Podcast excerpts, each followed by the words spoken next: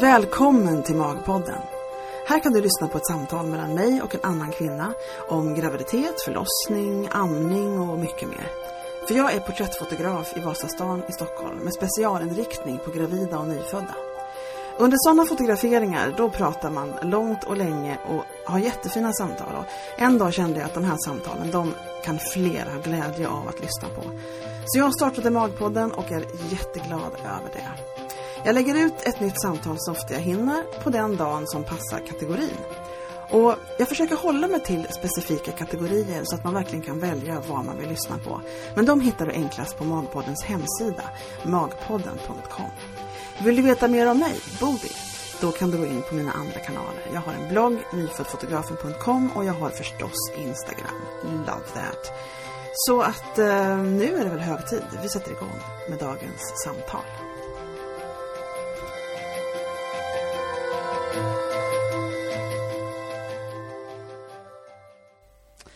Välkomna hit till Magpodden och eh, idag så är det magmåndag. Och det innebär att vi ska prata graviditet. Sist jag hade graviditetssamtal med Paulina så eh, var det väldigt svårt att hålla henne till ämnet och det brukar inte vara sådana stora problem men hon hade så mycket annat hon ville prata om så det var intressant bara det. Men idag ska jag se om jag och Anna kan lyckas hålla oss till den här magen och inget annat. Hejsan Anna! Hej! nu är du på Magpodden. Ja. Mm. Och det, dig Och vilken- jag så snabbt för du var ju bara hos mig typ i förrgår. När var du hos mig sist? Ja. Ja. Ja, ja, igår sågs väl? Eller? Ja, igår var det säkert. Gud, jag har, Ja. dag, nu är jag dagvill känner jag. Men det var inte länge sedan i alla fall, det är helt etablerat. Alltså, och och sådär. Ska du berätta lite om dig? Du, kommer, du är gravid fortfarande, därav Mm. dagens tema. Ehm, och jag ville att du skulle berätta om din graviditet för det är lite roligt. Vi kan ju komma till alla aspekter av det senare. Men berätta lite om dig först. Så här. Du, vad gör du? Vad, hur gammal är du? Och sådana saker. Vi kan ta grunden. Ja, det är alltså svårt sådär hur gammal man är. Jag Ah. fyller... Eh... Nej men du, jag är ju i vecka 37 och jag fyller 37 i år. Det var ju lite kul. Ja. Ja, kommer jag att tänka på nu. Ja. Eh, jag har precis gått in i vecka 37. Ja. Jag... Eh... Ja, vad gör jag för någonting? Jag jobbar inom hotell. Ja. Jag bor i Stockholm i en liten etta Ja. eh, själv. ja. Än så länge. Eh, och än så länge, ja. Ehm, ja, vad ska jag berätta? Nej, det räcker bra. Och det roliga är att det här har inte jag brukat, det är intressant när folk kommer till min studio så brukar jag aldrig liksom fråga vad de jobbar med för jag tycker det är så lite sek- sekundärt sådär. För vi har ju Ja, vi har ju bebisar och magar att prata om och det är så mycket och amning och allt vad det är för någonting så det är väldigt sällan det kommer upp vad folk faktiskt jobbar med. Och så på de sista samtalen så har jag plötsligt tagit mig för att fråga sånt. Jag vet inte riktigt varför, det är nog en fas tror jag. men, men vi kan berätta lite, först kan vi prata om hur du mår. Hur mår du i graviditeten liksom? Jag mår jättebra tack. Jag har haft en eh, oförskämt bra, skulle jag säga, graviditet. Ja, Nu har inte jag någonting att jämföra med så, såklart eftersom det är första gången. Men Mm. jämfört med andra så måste jag säga att eh, jag har mått väldigt, väldigt bra under Det- hela tiden. Det är ja. nu det börjar kännas lite. Ja. Du, vi snackade Mhm. innan vi kom igång och tryckte på inspelarknappen här så, så berättade du just om att du har börjat kanske tänka lite annorlunda angående hur länge du ska jobba och liksom, det börjar kännas tyngre helt enkelt nu. Ja, jag börjar bli lite trött i ryggen nu och det är Ja. egentligen fantastiskt att det, att det inte har kommit förrän nu för att jag har Nej. inte tränat någonting, Nej. ska jag ärligt säga. Och det har varit lite så skräck faktiskt att Åh, hur ska det här gå? För jag har haft ryggproblem eh, för några år sedan och då var jag tvungen att styrketräna regelbundet och det har gått så himla bra. Jaha, så Eh, du, när tänkte du hur ska det här gå? Var det när du var nygravid du tänkte det eller hur tänkte du då? Ja, men för att jag drabbades, först mådde jag illa ja, fram till vecka 12, 13 kanske. Eh, och då gjorde jag ju inte så mycket överhuvudtaget. Men sen blev jag så himla täppt i näsan. Vilket jag fortfarande, det har jag suttit i hela graviditeten. Jaha, Eh, och så himla andfådd så väldigt lätt. Så då liksom föll jag ur det där med, med träningen.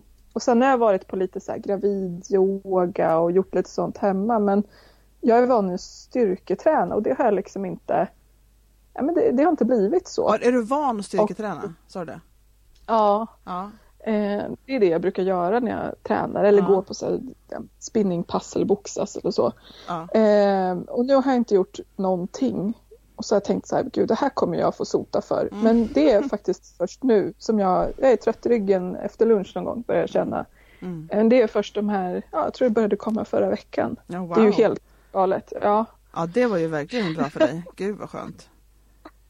jätteskönt. Men känner du nu att du liksom, i och med att du har, nu är det ju, för jag minns att jag först vid vecka 38 ungefär kunde liksom börja tänka att det är nog en människa där inne i alla fall. Har, har du kommit dit? Ja, vet du. Ja, alltså, jag tror det var förra veckan. Ja. Jag satt och tänkte på det i, igår. Att eh, det tog mig så himla lång tid att förstå Mm, att det är någon där inne. Jag har verkligen inte fattat. Jag, kollade, jag pratade med en bekant om det här som hon sa, för jag sa så här, är det någon som förstår liksom, när ni är på ultraljud och så här, kan ni koppla ihop det med det som rör sig i magen? Mm. För att det är ju klart att det blir ju en lite annan sak när man börjar känna att det rör sig. Men när man fortfarande, när magen fortfarande inte är så stor och det Mm. inte känns så mycket, då tänker man ju så här, men det kan ju vara, kan ju vara gas liksom. Jag Ja men jag vet, men det är ju så, men det är ju så extremt, jag menar det är ju att man kan göra en människa, alltså det är ju galet. Hela grejen är ju helt Ja. galen. Så det är klart att man inte kan här- tänka sig. Ja, vad sa hon då? Nej, och då sa hon så här att nej men det är som att kolla på ett naturprogram på Ja. TV när man, Ja, just det. man är på ultraljud. Alltså, det går liksom inte, det går inte in. Det men nu in. faktiskt så, ja, så känns det faktiskt. Det är så konstigt, jag trodde aldrig jag skulle komma dit. Men nu kan jag verkligen tänka så här, här i min mage så är en liten människa. Hur var det med dig, hade du koll på vad det skulle komma ut för en sorts människa? Ja, det kommer ut en liten pojke. Så var det ja. Hade du namn också? Ja, just det, jag har ju kortminnet, det är bara helt sj- sjukt. Hade du kommit på namn? Eh, jag, jag hade ett namn eh, och sen eh, som, för jag, nu, jag är kanske lite flummig så, men jag har alltid känt så här, åh det ska komma till mig liksom. Ja, just det.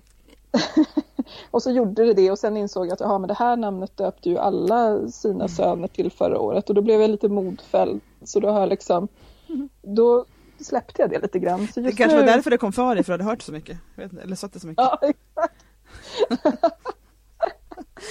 ja, så det, men det är rätt lustigt det där med namn för det är så många som säger så att ja men det är så skönt så här, för du är ju själv. Eh, då kan man ju bestämma fritt liksom. Ja, men så det är faktiskt inte helt sant, för en del har ju faktiskt riktiga problem med att bestämma sig för vilket namn som var fint. Ja men exakt och sen är man ju inte, eller jag har ju inte varit själv på det sättet. Jag har ju fortfarande en familj och vänner Mm. som jag ju pratar med om min graviditet och då kommer det ju såklart så här, ja men det här namnet kanske eller mamma tycker någonting. Ja du vet. Ja, just det. Eh, helt enkelt är det ju, fort, det är ju fortfarande jag som bestämmer såklart. Men, Ja, ja, du har ju lite så här vetorätt måste man ändå säga som barnets mor. Någonstans. men det har jag. Absolut. Så, Ska vi ta, vill du ta en liten summering om liksom din, det här med faderssituationen? Så att folk, alla kommer undra, men vart är pappan? Kommer alla undra.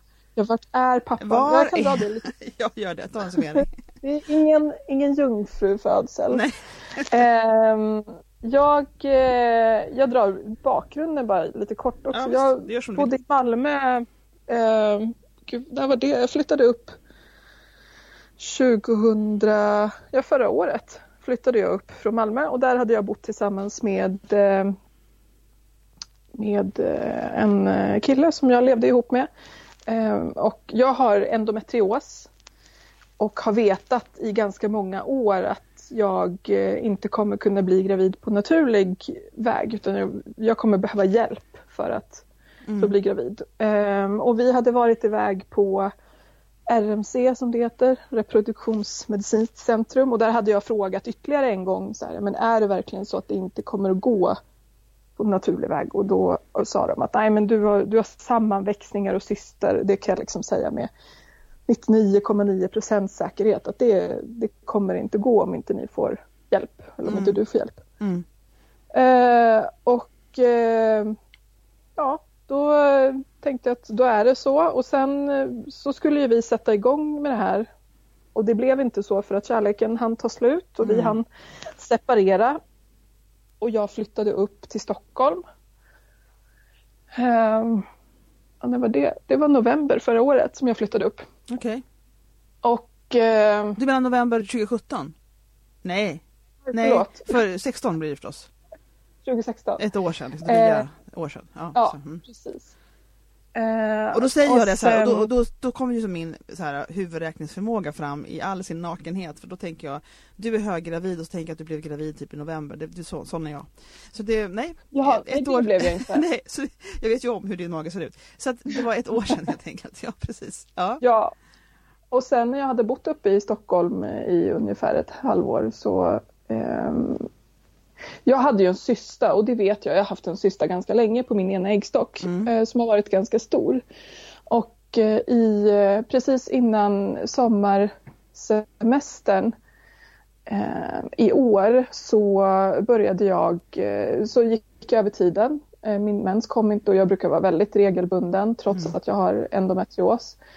Och ja, men jag var väldigt så här, hormonell och väldigt ledsen och lättretad och sådär och tänkte att det här är den här jäkla cystan. Och jag visste att jag skulle behöva kolla upp den för den hade växt ganska mycket och jag var väldigt orolig över det här. Och tänkte att fy bubblan liksom, nu måste jag göra det här igen och jag har ganska dåliga erfarenheter från att få hjälp med endometriosen eh, och jag har blivit bollad mellan olika läkare, jag har fått olika svar och sådär. Så att jag såg inte alls fram emot det här. Och så satt jag faktiskt och pratade med, med min chef faktiskt, vi har en väldigt öppen relation, eh, och pratade om det här. Och så sa hon att "Ja, men du, kanske bara, du kanske bara ska göra ett grabbtest bara för att se att det inte är något.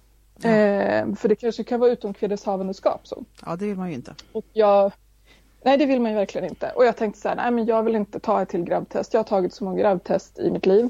Jag har alltid vetat att det inte skulle vara något och jag tycker att för mig har det blivit en så jobbig grej. Det har blivit en sån bekräftelse varenda gång att så här, du kan inte bli gravid. Ja, så att jag har hatat att ta de där Men eh, hur grabb- många grabbtester har du liksom tagit? Ja, men det är ju så här när man har, om man ska in på gyn för att kolla upp någonting. Ja. Om det är någonting som har strulat då, och det kan det ju vara för att man om man har ätit, inte vet jag, p-piller och slutar och så kanske inte mensen kommer igång eller det kan ju vara vad som Mm. helst. Men är det någonting då som inte är som det ska, då är det första är ju liksom så här, har du tagit ett graviditetstest? Aha. Ja. Ehm, Så ett antal har du tagit helt enkelt. Jag förstår, att, jag förstår. Jag tänkte inte på det, men det är klart att det är så att varje gång du tar ett gravtest och är du inte gravid så kommer hela den grejen upp liksom. Nej men just det, jag, sånt har jag ju svårt med ungefär, att det blir en grejen varje gång. ja, att men bli det gravid blir, alltså. Ja, precis. Mm. Ehm, Det har känts jobbigt, men framförallt liksom de senare åren när jag verkligen har förstått att så här, nej, men det här kommer nog inte hända för så länge jag var yngre då kunde man ändå tänka så här att ja men det kanske ändå går och du vet det är Mm. så långt fram och man har ju ingen aning och sen så ju fler liksom, gynekologer jag har träffat så har jag fått det bara mer och mer bekräftat liksom att nej men det här kommer verkligen inte gå. Nej. Och det är ju en eh, annan historia hur de har kommit fram till det. Men i alla fall. Ehm, ja, så skulle jag höra av mig till gyn och så tänkte jag, ja, men jag får väl ta det här graviditetstestet då för att de kommer ju att fråga, det vet ja, jag ju. Ja. Ehm, och så åkte jag och köpte det på ett apotek. Jag hade varit hemma hos eh, en bekant. Kommer hem och är ju helt inställd på att det inte kommer vara något och är jätteoroad och, och skärrad över det här för att jag tror jag hade gått över tio dagar eller något sånt.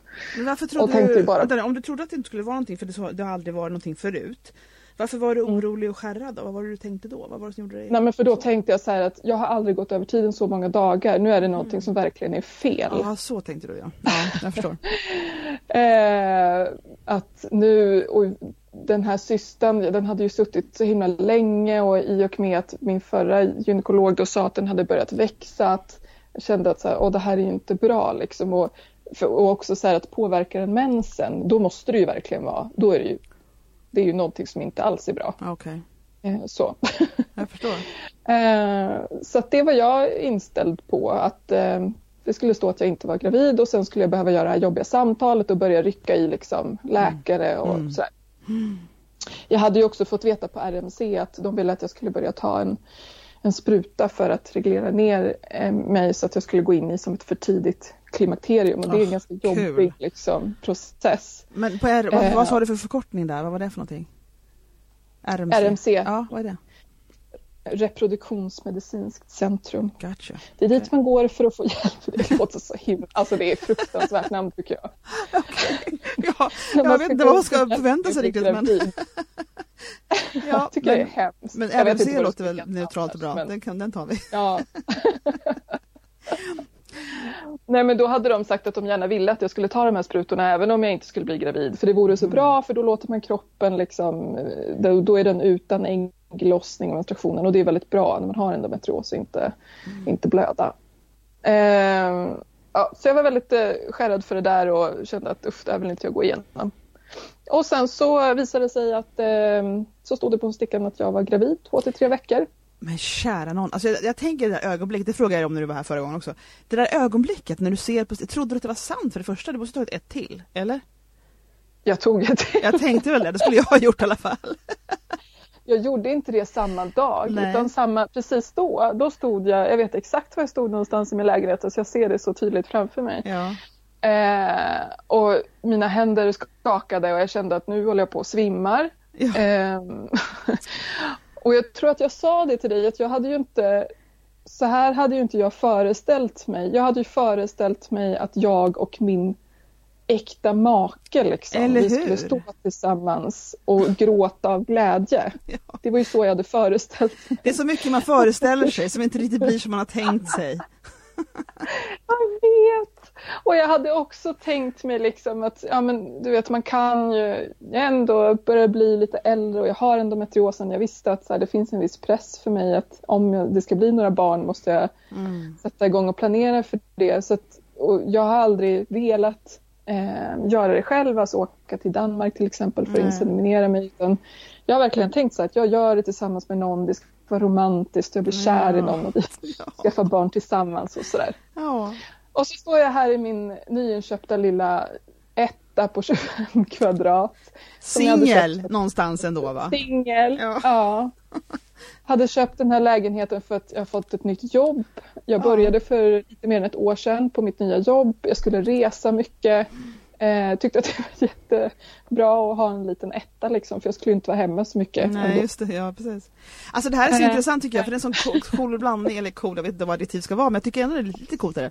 det är en sån här intressant kan man säga, blandning av liksom att då har du liksom fått höra hela ditt liv att nej, gravid kan du inte bli utan jättemycket hjälp liksom. Och vi ska nog sätta dig i klimakteriet liksom, ungefär så, där är du nu i det här läget. Och du har och din, din äkta ma- man som liksom, han försvann ut i periferin och så står du där och, alltså det är som att, och då är man ju, det är ju jättegoda nyheter. Med tanke på liksom, och samtidigt Förstår du vad jag menar? Det är som att det, är som att det inte alls har tänkt dig och ändå, ändå är det goda nyheter. Jag vet inte, vad tyckte du? Vad var det, så? det måste varit väldigt blandade känslor. Ja, och faktiskt. Jag ringde ju min mamma det första jag gjorde. Ja, jag förstår det. Det skulle jag också gjort. Och sen... och, och hon var lite så här, ja jo, jag hade ju börjat fundera om det var så. För jag hade haft ont i brösten också, alltså så här i efterhand. Jag hade ju precis allt. Och en av mina närmsta vänner, hon sa så här, vilken tur att det var det, för att annars hade du den, jag tänkte på det faktiskt, att du hade en PMS som var fruktansvärd. Jag hade ja. varit på så dåligt humör tydligen. Eh, hon hade till och med, det är ju jätteroligt, hon skickade till och med blommor till mig veckan innan. För att vi hade pratat någon dag och jag hade varit så här, nej, allting var liksom fruktansvärt och nattsvart. Det fanns ja. ingen lösning på någonting. Liksom. Och sa att det här är ju inte du. Eh, Oh och så sa hon att det där var liksom det värsta jag varit med om. Så hon skickade ju blommor och så. Ja, jag skulle, ja. Så man drar upp det lite där i allt det där nattsvarta. Hormonerna var helt Ja. på högvarv. Ja, det var fruktansvärt. Och faktiskt min chef har också sagt det i efterhand. För hon gick på semester så jag hann ju inte berätta för henne. Ehm, men hon sa det sen när hon kom tillbaka och jag hade kommit tillbaka så sa hon att du, jag har faktiskt funderat men jag visste att jag kunde inte höra av mig och fråga liksom. Nej. Men, men jag satt faktiskt och funderade på det när vi såg sist. Ja, att du var gravid? inte var så. Jaha, du ser. Ja. Min Att mamma var ju en sån där kvinna som, jag vet inte om hon fortfarande är en sån kvinna, men hon berättade för mig att hon var en sån där som alltid kunde se när någon var gravid. Och, och då, och då, Mm. ja lite magiskt sådär. Hon, hon, eh, hon såg på ögonen sa hon. Och det hade hon gjort med flera, så det var sån här, hon berättade till exempel om en, en eh, som hon jobbade med, hon var nattsköterska, en kvinna som hon jobbade med som typ var nygravid och mamma såg det på en gång som var gravid. Det tycker jag är intressant. Men det har jag gjort flera gånger. Och det berättade för mig när jag var, jo, när jag var ung. Och då tänkte jag så här, vilken tur att jag var sån där som blev gravid då när jag var 15 år. Så hade hon ju sett det på en, sett det på en gång. Men det är intressant vad folk eh, går på. Ja, Ja, vilken häftig förmåga. ja, det är lite intressant. Ja, jag ska bara... Ja, nej, men hon eh, tänkte väl att jag... Eh, hon, hon hade ju också märkt en förändring i mitt humör. ja, ja. Eh, så, och så var det väl lite andra saker. Så att, eh, ja, det var lite spännande. Jo, men apropå vad jag kände. Det är ju, de, alla som jag berättade för, de var ju helt överlyckliga. Jag hade ju ja. en kompis som började gråta och liksom tyckte att det var helt fantastiskt. Och jag hade jättesvårt att... Eh, Förlåt, liksom det surrar bara kommer här. Det är bara med den som kom. Jag ska ställa bort telefonen. Men alltså du, men då, alla som var lyckliga omkring dig, men du då? Var du lycklig någon gång? Eller när, när, hur kände du liksom? Mer än Nej, men det, tog så, det tog så fruktansvärt många veckor, alltså månader skulle jag säga, för mig att ens förstå. Jaha. Eh, för att, inte att jag kände så här att åh nej, det här var det värsta som kunde hända, absolut inte så. Eh, men jag hade så svårt att ta till mig det som alla andra pratade om, att så här, men gud, det här är ju, liksom, det är ju ett mirakel och det är ju fantastiskt och skit i att det inte finns någon man med i bilden, utan det här kommer bli jättebra. Och jag, eh, jag kunde ju inte ens fatta förrän jag hade kommit ja, mer än halvvägs i min graviditet att jag ens var gravid. Jag har jättesvårt att förstå för att jag har varit så inställd på att det inte skulle bli så. Ja visst. Det är ju verkligen det tankevurpa i din situation. Men Det måste ju varit jättekonstigt. Jag förstår mycket väl att det tog tid på det för dig. Att, Ja, men för jag har ju ställt in mig på det liksom under många, många år. Att Exakt. det inte kommer att hända det liksom. var din livssanning på något vis. Att så ligger det till med mig. Liksom, ungefär så. Ja, Mm. eh, ja men precis. Så att det är faktiskt också först nu liksom sista, jag skulle säga till tredje trimestern som det faktiskt har kommit som jag har kunnat sitta och känna mig så liksom tacksam och verkligen känna att så här, wow, det här är så häftigt att jag får uppleva det här. Och liksom sitta och bli lite rörd för mig själv. Ja, det är klart. Men känner du då samtidigt så här, för jag förstår att du är tacksam för det. Nu tycker jag liksom att, att folk blir gravida överhuvudtaget, det verkar ju vara väldigt lätt för många men jag- det är ju, jag tänker på de här som inte blir det lätt och som får verkligen gå på utredningar och få massa hjälp. Så, så blir de ju liksom, det är inte alls självklart för många att bli gravid liksom. Det är svårt för många. Och då tänker jag så här, när du hade sådär vansinnigt svårt och vi hela tiden fick höra att det här kommer aldrig att ske. Och så sker det. Men kände du då liksom att fan att vi gjorde slut? Eller kände du att det var väl okej? Eller vad- hur kände du? Eller kände du lurad på konfekten? För du fick- du fick ju hälften av din dröm men inte... Eller hur kändes det liksom omkring den grejen att, att vara singel och få bebis?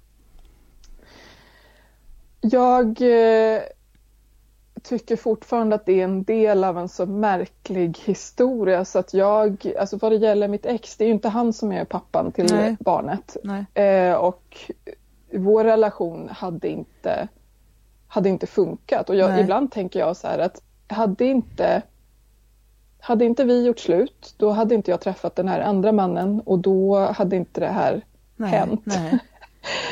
Eh, och hade jag, alltså du vet det är en här serie av händelser. Ja. Hade jag inte flyttat in i den här lägenheten och vi hade träffats den här dagen. Ja du vet, det är så Mm. mycket som hänger ihop som, Mm. är, som är så konstiga på något sätt eh, i den här historien som Mm. är så det går liksom inte att förklara. Eh, och jag vet att jag, jag har två grejer och det ena är så att jag, jag har någon gång tänkt så här när jag träffade den här mannen att ja, det skulle vara typiskt om jag blev gravid med honom just för att jag vet att han inte skulle vilja ha barnet och för att vi inte, vi skulle inte ha en, det var inte därför vi träffades för att dela vårt liv tillsammans. Nej, liksom. just. Ehm, och sen har jag tänkt att eh, ja, men det, det kommer ju inte hända. Och sen också att jag har tänkt så här, som jag pratat med mina vänner om, att när vi höll på med det här och skulle börja utreda, eller börja den här utredningen på RMC, att jag har sagt så här att ja, men jag är en sån person där det bara måste hända tror jag, för att det här blir så stort beslut när man ska gå in och, och man ska säga att ja, nu ska vi sätta igång och, och göra ett barn. Liksom, att det Ja. blir så så många andra par de kör på och så händer det när det händer medan ska man få hjälp då blir det så definitivt och det är ju ett jättestort beslut tycker jag att säga att så här, nu ska vi skaffa Det är, ett barn. det faktiskt en tanke att det som du säger att de har varit tillsammans så slänger man p-pillerna, vad man nu har för någonting, för att se om vi blir gravida, vi får se vad som händer. Det kan vara lite spänning i det. Och sen så är det en del andra som Ja. måste göra, lägga det som ett arbetsprojekt liksom. Och, och det är ju en stor skillnad på det, helt klart. Ja, det är det. Ja, för man Det- tar ju beslutet på riktigt liksom då. Ja men precis och det är ju ofta en väldigt jobbig process dessutom. Eh, Ja, för att kvinnan eh, framförallt måste gå igenom en massa jobbiga behandlingar oftast Ja. för att det ska hända eftersom det oftast är någonting som inte funkar och sådär. Ja. Eh, och det sätter ju relationen på prov och det Ja. sätter liksom kroppen på prov och allting. Mm. Och, eh, och jag funderade mycket på det och kände så här att ah, men det är så många fall där jag hör liksom att kvinnan får dra ett så tungt lass och, och jag vet inte om jag vill ha det så liksom. Mm, Och ska jag då besluta att nu ska vi göra det här och så kanske jag måste ta eh, den större liksom delen av det. Ja men du vet. Mm. Så då sa jag till mina vänner att jag, det är ju synd att jag inte kan bli gravid för för mig hade det kanske behövt vara så att det bara hände. Som precis var som hände. Det är jätteintressant. Alltså Ja. det är precis så det blev. Fast det hade du aldrig in a million years kunnat tänka dig att det blev så. Nej. Men alltså när det, när det är, och det intressanta är också att då har ju du som byggt, man har ju en identitet som är baserad på väldigt mycket men en del av din identitet var ju den här endometriosen och som vi ska skriva en förklaring på på sajten sen tror jag så folk vet vad det är för någonting. Och sen så Mm. också liksom att det tillhör din livsväv att jag har det här och jag har, kan inte bli gravid. Och nu får du Mm. ändra liksom livshistoria plötsligt, eller identitetshistoria. I alla fall Mm. delar av den.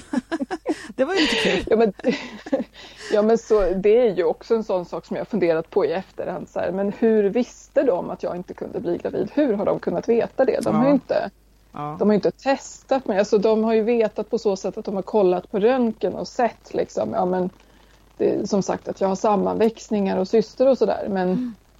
Det, jag vet inte, är det tillräckligt liksom, Nej för precis, att kunna? man ju undra. Ja. ja men det, det, alltså det är ju coolt för nu är du ju helt klart tveklöst gravid. Och liksom Mm. vecka 37 och, och så, så att det kanske tog lite längre tid för dig. Men vet du vad? Jag ska tala för det att jag tror faktiskt det är så de flesta. För jag kommer ihåg att jag fotade nämligen en, en kvinna som hade gjort IVF och ganska många IVF. Och så var hon äntligen gravid och de hade varit så ledsen när det inte hade funkat allt det här. Så, för det är en extrem resa ju att göra de här uh, IVF. Jag, gjorde ju, jag fick ju Mm. också lite hjälp att bli gravid.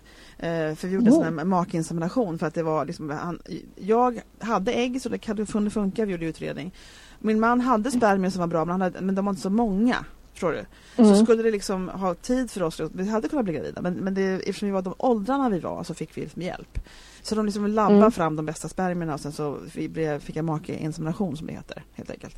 Mm. Eh, två gånger, så det var ganska lindrig behandling. Men IVF är ju mycket, mycket tyngre liksom, och mera liksom ingrepp om man säger på kroppen och sådär. Och hon hade ju kämpat Mm. med det här så länge så att ehm, när hon blev gravid så tog jag de, de gravidbilderna och nyföddbilderna och alltihopa det här. Och då när vi, när vi liksom när jag tog gravidbilderna så sa jag till henne, åh tänk liksom på, det här var, det här var ett tag sedan, det här var ett par år sedan innan jag liksom visste bättre. Så jag, Mm. så jag sa saker som att, åh tänk på lilla bebisen i magen och sådär. Ehm, och hon kunde inte det. Alltså hon, hon bluffade väldigt bra, så det är väldigt fina bilder. Men hon sa till mig så här liksom, att jag kan inte tänka att det är en bebis här inne. Och då, och då är det så intressant för då hade hon kämpat och längtat och velat så hett ha en bebis. Men hon Ja. ändå när hon hade den i magen kunde hon liksom inte riktigt glädjas åt den för att hon inte visste att det var en bebis på riktigt. du vet. Nej. Så det är Och det är jättevanligt. Ja, jag förstår det. Och det är, det är ju så himla knepigt tycker jag. För å Ja. ena sidan så är det ju tråkigt att, att känna så, att man inte kan liksom njuta mer av det. Å andra sidan så, Ja. så är det är ju svårt om man har ställt in sig på att det inte kommer att gå. Liksom. Nej, precis. Men det, det, är, det är någon sån här konstig störning i mikrofonen. Jag undrar om det Ja, men då är vi lite tillbaka. Jag gjorde en liten avbrott här med dig för att det, Skype-linjerna är som de är ibland. Men, men det är intressant det vi pratar om då det här med att man liksom, det är så svårt att föreställa sig. Jag tror det är så för alla och det spelar ingen roll om man liksom har hett längtat eller, eller du vet, jätteglad överraskning. Oh, jag kan bli gravid. Det är så intressant för man, man har inte ha- haft någon bebis än så att förstå att man har en bebis i Nej. kroppen det är absurt liksom. Så det är svårt att och det är inget konstigt och det är vanligt tror jag. Så det var, var, men Ja, men det liksom- tror jag Ja, också. jag tror också det. Och sen så det här att- föreställa sig hur det är att ha bebis, det går inte heller. Så det, man får ta det liksom, man får hänga med resan helt enkelt och ta det som det kommer.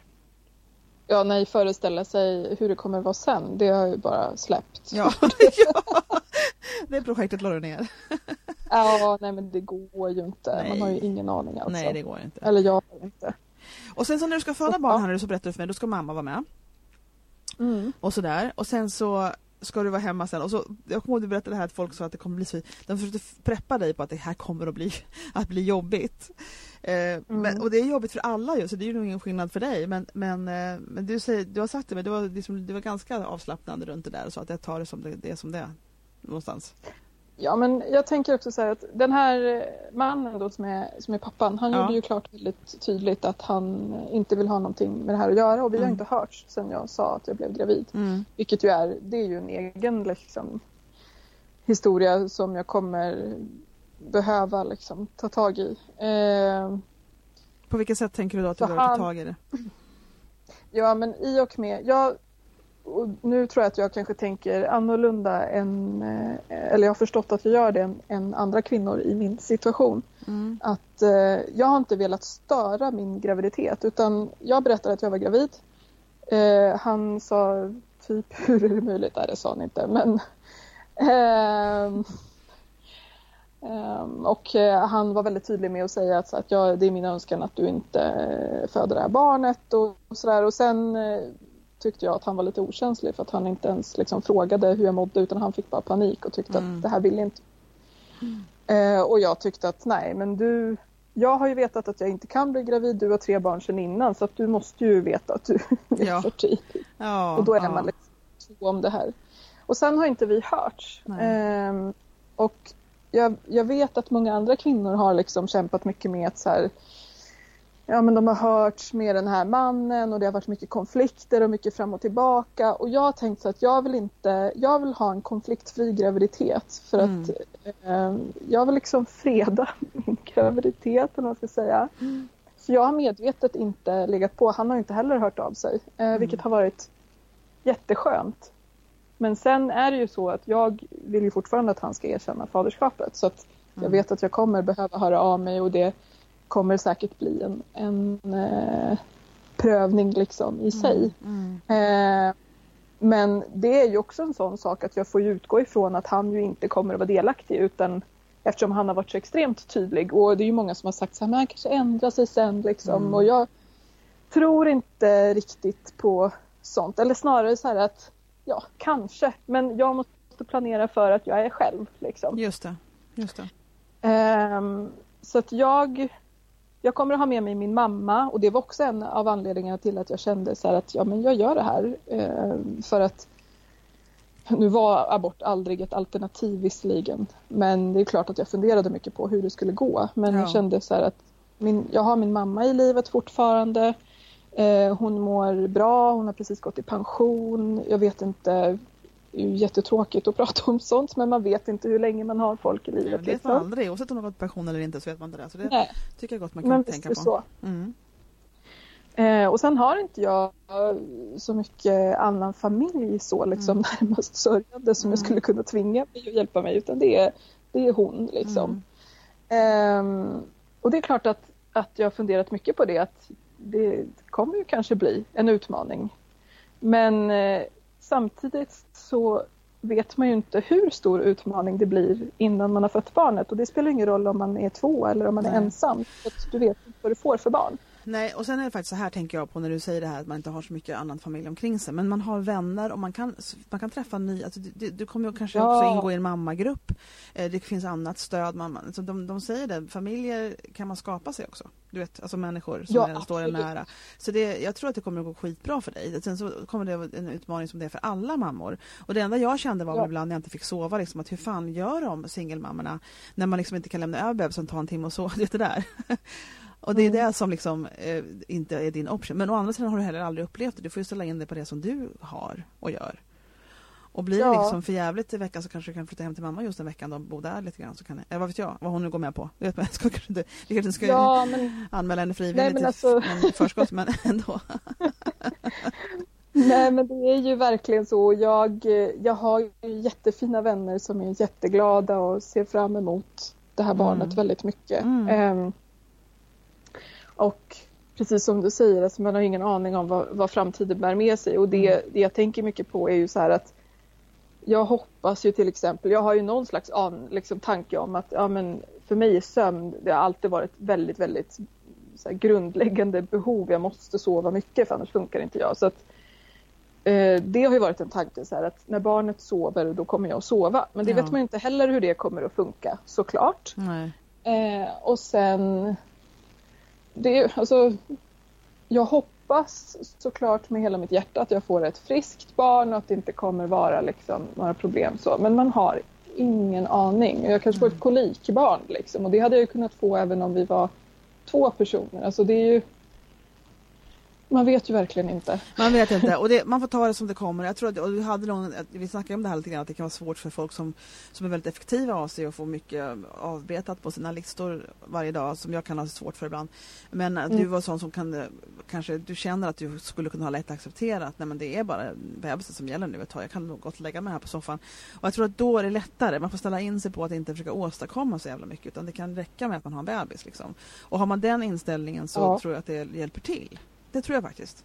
För det kan vara tufft att Ja, men precis. bara ha, för de, de, det krävs så mycket och de sover självklart, man har ju någon tid. Men, nej, men jag tror att du har rätt, jag tror det kommer att gå bra. Jag känner på mig att det kommer att gå väldigt bra. Och, man, och framförallt om man släpper kraven på det andra, utan går in i det här med projektbebis liksom, bara. Så, ja, så nej, men jag har ställt in mig på det helt och hållet Ja. också för att jag är inte, så, jag är inte bebisvan liksom. Mm. Jag har ingen aning om hur man byter blöjor så jag har ju sett fram Alltså jag ser ju framför mig så här att jag behöver ett halvår på mig att bara förstå hur, liksom, hur man gör och, liksom, och inte glömma sitt barn någonstans. Ja, och, ja, men du vet. Det där är ju så roliga historier man hör, alltså, men det kommer nog bra. Ja, men jag, vet, jag kommer ihåg, mot slutet av min graviditet så brukade jag drömma här hemska saker som jag glömde mata dem. Jag glömde, så hemska såna här rädslor som kom upp. Liksom. Är jag verkligen den personen som det här barnet behöver ha som mamma? Eh, och det där kommer kanske upp, men det, men det är ju verkligen Good enough räcker ganska långt liksom, när det gäller att ta hand om små barn. För det är väl de flesta gått in i, i den att man har inte gjort det här förut och då får man liksom ta sig Nej, det är ju framåt. det alla säger. Ja, så nej, att jag får bara, ja, det är väl bara så. Ja, men min mamma glömde mig. Yes. Hon skulle, ja, hon henne skulle gå ut på promenad och kom ner och bara, vänta det är någonting som saknas. Jo men det här är ju, det är en klassiker. Jag hörde någon, någon som glömde barnvagnen i skoaffären och gick två kvarter innan de kom tillbaka. Vänta nu. Och, och, då, så- och då att gå tillbaka och säga, glömde jag en bebis här inne? Du vet den Nej, den grejen. Hur gör man det liksom med mammavärdigheten i behåll? Och, och, du vet, och jag läste något extremt roligt kåseri också om en man som körde in vagnen i hissen. Skulle ut alltså med vagnen. Och så kom på att han skulle bara greppa en han hade glömt väskan vid dörren eller hur- något sånt där. Han var inte långt ifrån men han var tvungen att gå och hämta något. Och då gick hissdörrarna igen och åkte iväg. Med barnvagnen i. Och det här liksom, nu ska vi se, springer ner och, eller liksom väntar jag coolt här uppe så de trycker upp det. Vad gör man så man bäst ser ut som att man är en far som faktiskt bryr sig? Vad, vad är scenariot? vad är det bästa scenariot? Vad ska jag göra? Och det, sådana här historier finns ju lite här och var och, ehm, och det, det är väl inte så ofta det händer att man glömmer barn så det ska nog gå bra.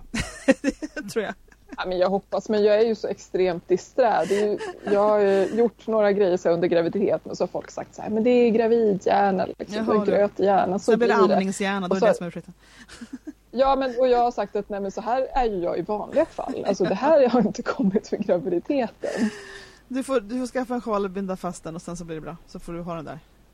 Ja, jag tänker mig att det kommer bli ett problem när de blir lite, lite större. Ja. Du vet, man går på ICA och de går själva och så Ja. går man ut och liksom, ja. Och, ja. då- och då är det spritpenna med telefonnumret på armen. Det är det som gäller då. ja. då blir det bra. Oh gosh, ja men kära värld. Ja, nu ska du in på, nu ska du in genom portalen till äventyret. Till mammalivet. Men eh, Eh, läskigt. Det, är en sån, det har jag konstant sagt faktiskt när människor har sagt så här, hur känns det? Och jag har sagt skräckblandad förtjusning. ja men det låter väl ganska bra beskrivning tror jag. Ja men då tittar folk på en lite så här, men vad då? För de förväntar sig liksom att man ska, åh jag är så överlycklig, det här kommer bli så fantastiskt. Och jag, det kommer ju bli fantastiskt. Men jag har ju som sagt aldrig gjort det här innan och det är ju klart att jag känner lite så här, wow. Och det, det här lärde jag ju mig för, det var inte jättetidigt i graviditeten utan det var kanske var någon månad sedan när jag Ja. insåg så att det här med att tänka på att snart få ett barn och man ska ansvara för ett liv och det är liksom resten av ens liv och så här, det kan man inte göra för det kommer inte gå. Jag höll på att få panikångestattack liksom. Så att till slut insåg jag så att det där, det, man får se det som liksom en dag i taget verkligen. Absolut, och vet du vad, med, med bebisar så är det en dag i taget. Man kan inte hålla på och planera för mycket. De regerar ganska rejält så man får ta nästan en timme i taget ibland, ska ta dem på dig. Så kan det vara. Eller liksom planera fram till typ efter duschen, vad gör vi då? Men så. Men det var, också, ja, men det var ganska skönt att komma dit faktiskt. Ja, att så här, Nej, men nu, jag, det blir vad det blir. Ja. Nu, jag har bestämt mig för att behålla det här barnet. Barnet ska födas. Eh, och sen har jag ingen aning. Liksom. Bara, Ex exakt, och vet du vad? Det är ingen som har en aning mer än så. Där stannar det liksom i planeringen. Så jag tycker du, du, du är helt inne på rätt bana tror jag på hur de nästan alla tänker. Jag ska behålla barnet, jag ska föda barnet och sen vet jag inte. Det, där kan man... då är det lite skräckblandad förtjusning. Ja. Just det, just det. Ja men vad kul, men då, då, då har vi, nu tänker jag följa upp det här med förlossningsfredag med dig sen. Mm. Och köra Se hur och det höra- går. se hur det går. Och så får vi göra en liten följetong av dig Anna. Ska vi se. Och sen så kan vi Ja. höra om ett år. Hur är det då? Ja, Men det är lite ja långt. Ska vi, förlossningen är ju Ja. snart. det är snart. Det är ju, det är ju helt sjukt. Mm. Jag har ju nästan... Jag började ju tänka förra veckan också, så här, det var någon slags vändpunkt för mig förra veckan Mm. och då började jag känna så här, men nu är jag nyfiken på det här Ja, barnet. Liksom, Just och det, se. exakt. Jag är ju jätteförlossningsrädd eh, så att jag har ju mest sett det som att åh vad jobbigt och min barnmorska har ju varenda gång liksom, du vet att barnet måste ut va? Ja, jo jag har förstått det men jag Ja. vill helst inte. Men nu börjar det liksom ändå landa lite så att Ja. eh, ja, det är bara några veckor Det är kvar. nästa helt steg, jag vet. Det, det, det, för det känns ju långt innan dess. Sen började jag dra ihop sig på slutet så blir det väldigt så här att det gick fort plötsligt mot slutet. Men du, tack Ja. för din historia. För det var, jag ville verkligen eh, prata med dig på Magpodden. Jag kände det nästan så fort du stod i hallen och tänkte att det här måste vi ta med på podden. Eh, så att eh, nu har du gjort det. Nu har du berättat lite grann om din Ja. graviditet. Och ehm, det ska bli jättespännande att höra resten. Men eh, tack för att du berättade och för att du liksom bara, ja så här ligger det till. och, det, och det är så kul, för jag vet att när man är gravid så vill man höra andras historier. Man vill liksom bara spegla sig lite och höra hur det kan vara för andra och sådär. Och det, det, det, i alla fall vill jag det när jag var gravid, det minns jag. Jag bara sluka sådana saker.